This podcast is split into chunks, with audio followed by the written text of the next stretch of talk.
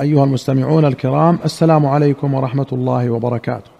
واهلا وسهلا بكم إلى حلقة جديدة في برنامجكم جامع السنة في كتاب الآداب والتربية باب شكر النعمة. أخرج أحمد والبخاري في الأدب وأبو داود والنسائي وابن حبان والطبراني في الكبير والحاكم والبيهقي في السنن بسند صحيح.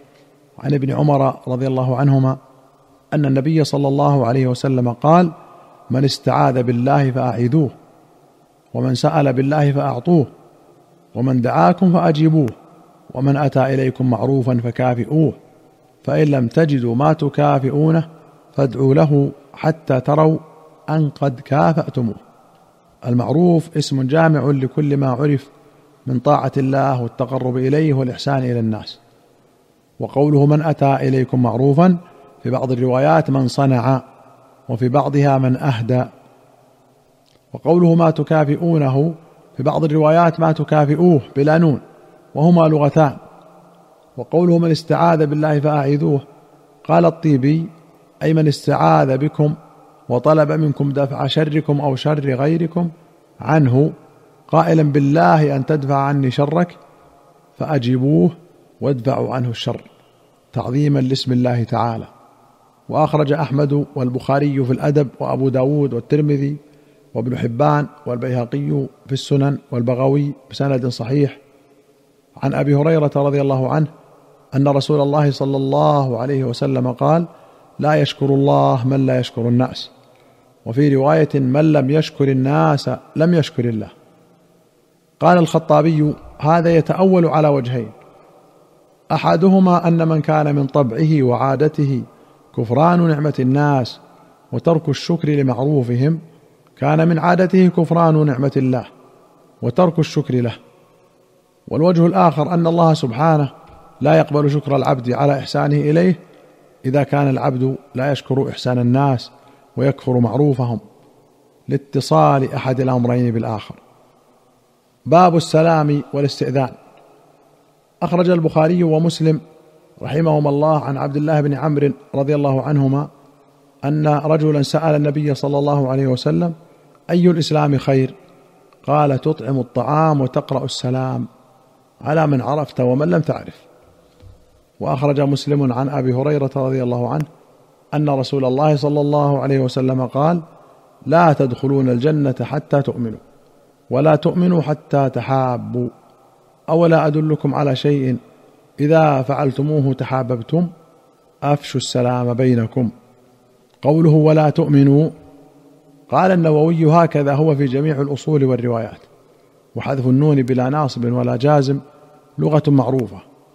وأخرج ابن أبي شيبة وأحمد والدارمي وابن ماجه والترمذي وابن حبان والطبراني في الكبير والبيهقي في الشعب والحاكم والبغوي بسند حسن عن عبد الله بن سلام رضي الله عنه أن النبي صلى الله عليه وسلم قال يا أيها الناس أفشوا السلام وأطعموا الطعام وصلوا الأرحام وصلوا بالليل والناس نيام تدخلوا الجنة بسلام.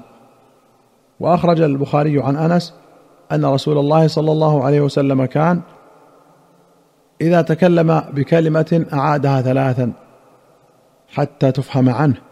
وإذا أتى على قوم فسلم عليهم سلم عليهم ثلاثا. هذا مثل قوله ألا أنبئكم بأكبر الكبائر؟ قالها ثلاثا. وقوله وإن أكلتها الجردان؟ قالها ثلاثا. ونحوها. وبين السبب بقوله حتى تفهم عنه. وقوله سلم ثلاثا. قال الإسماعيلي يشبه أن يكون ذلك كان إذا سلم سلام الاستئذان. على ما رواه أبو موسى وغيره. وأما أن يمر المار مسلما فالمعروف عدم التكرار.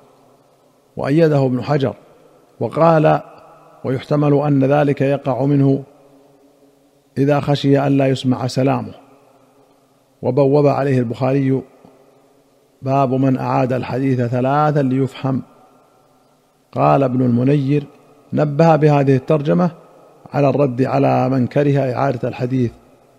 وأنكر على الطالب الاستعادة. وأخرج البخاري ومسلم عن أبي هريرة رضي الله عنه أن رسول الله صلى الله عليه وسلم قال يسلم الراكب على الماشي والماشي على القاعد والقليل على الكثير. وللبخاري يسلم الصغير على الكبير والمار على القاعد والقليل على الكثير. وأخرج البخاري ومسلم عن أنس رضي الله عنه أنه مر على صبيان فسلم عليهم وقال كان النبي صلى الله عليه وسلم يفعله. هذه رواية البخاري ولمسلم عن أنس أن رسول الله صلى الله عليه وسلم مر على غلمان فسلم عليهم. وأخرج البخاري ومسلم عن أسامة بن زيد رضي الله عنهما أن النبي صلى الله عليه وسلم مر بمجلس فيه أخلاط من المسلمين والمشركين عبدة الأوثان واليهود. فسلم عليهم النبي صلى الله عليه وسلم. ثم وقف فنزل فدعاهم إلى الله وقرأ عليهم البقرة. سبق الحديث بطوله في باب تعريف الإسلام ولوازمه. قال ابن حجر يؤخذ منه جواز السلام على المسلمين إذا كان معهم كفار وينوي حينئذ بالسلام المسلمين. ويحتمل أن يكون الذي سلم به عليهم صيغة عموم فيها تخصيص كقوله السلام على من اتبع الهدى. وأخرج أحمد وأبو داود والترمذي والطبراني والبيهقي في الشعب بسند حسن عن أبي أمامة أن رسول الله صلى الله عليه وسلم قال إن أولى الناس بالله من بدأهم بالسلام. وفي رواية من بدأ بالسلام فهو أولى بالله وبرسوله. قال القاري قال الطيبي أي أقرب الناس من المتلاقيين إلى رحمة الله من يبدأ بالسلام. وأخرج مسلم عن المقداد بن الأسود قال أقبلت أنا وصاحبان لي وقد ذهبت أسماعنا وأبصارنا من الجهد فجعلنا نعرض أنفسنا على أصحاب رسول الله صلى الله عليه وسلم فليس أحد منهم يقبلنا. فأتينا النبي صلى الله عليه وسلم فانطلق بنا إلى أهله فإذا ثلاثة أعنز فقال النبي صلى الله عليه وسلم احتلبوا هذا اللبن بيننا. فكنا نحتلب فيشرب كل إنسان منا نصيبه ونرفع إلى رسول الله صلى الله عليه وسلم نصيبه. فيجيء من الليل فيسلم تسليما لا يوقظ نائما ويسمع اليقظان ثم يأتي إلى المسجد فيصلي. ثم يأتي شرابه فيشرب. فأتاني الشيطان ذات ليلة وقد شربت نصيبي. فقال محمد يأتي الأنصار فيتحفونه ويصيب عندهم. ما به حاجة إلى هذه الجرعة. فأتيتها فشربتها. فلما أن وغلت في بطني وعلمت أن ليس إليها سبيل ندمني الشيطان. فقال ويحك ما صنعت؟ أشربت شراب محمد؟ فيجيء فلا يجده فيدعو عليك فتهلك.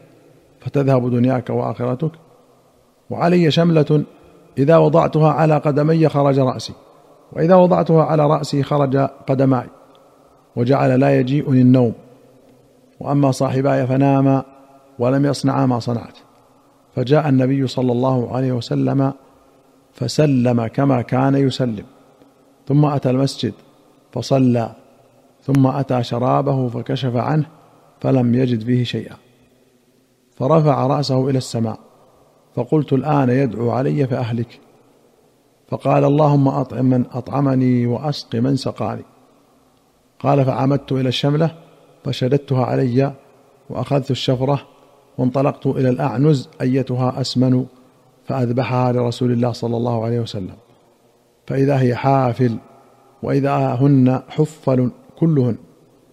فعمدت إلى إناء لآل محمد صلى الله عليه وسلم ما كانوا يطمعون أن يحتلبوا فيه فحلبت فيه حتى علته رغوة. فجئت إلى رسول الله صلى الله عليه وسلم فقال أشربتم شرابكم الليلة؟ قلت يا رسول الله اشرب.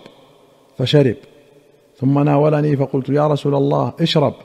فشرب فلما عرفت أن رسول الله صلى الله عليه وسلم قد روي وأصبت دعوته ضحكت حتى ألقيت على الأرض. فقال رسول الله صلى الله عليه وسلم إحدى سوآتك يا مقداد. فقلت يا رسول الله كان من أمري كذا وكذا وفعلت كذا وكذا. فقال رسول الله صلى الله عليه وسلم ما هذه إلا رحمة من الله أفلا كنت آذنتني فنوقظ صاحبينا فيصيبان منها معنا. فقلت والذي بعثك بالحق ما أبالي إذ أصبتها وأصبتها معك من أصابها من الناس وغلت في بطني أي دخلت فيه. وقوله حافل أي ممتلئ ضرعها لبنا وحفل جمع حافل. قال النووي قوله ما هذه إلا رحمة من الله. أي إحداث هذا اللبن في غير وقته وإن كان الجميع من فضل الله تعالى وهي من معجزات النبوة. وفيه آداب السلام على الأيقاظ في موضع فيه نيام أو في من معناهم. أيها المستمعون الكرام إلى هنا نأتي إلى نهاية هذه الحلقة. حتى نلقاكم في حلقة قادمة إن شاء الله. نستودعكم الله والسلام عليكم ورحمة الله وبركاته.